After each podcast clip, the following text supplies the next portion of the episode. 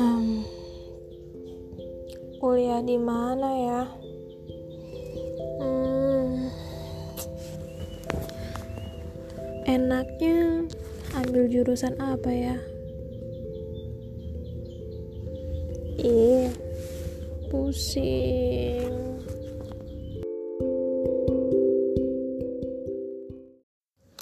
Assalamualaikum warahmatullahi wabarakatuh. Hai guys.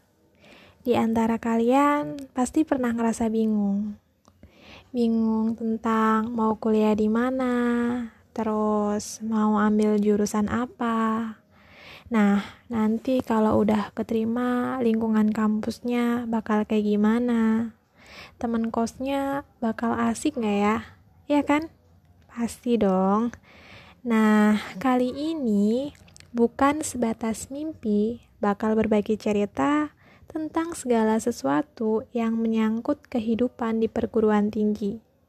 Jadi, kalian gak usah bimbang lagi ya, karena kalian bakal sedikit mengenal jurusan impian kalian, dan juga bakal sedikit mengenal universitas impian kalian.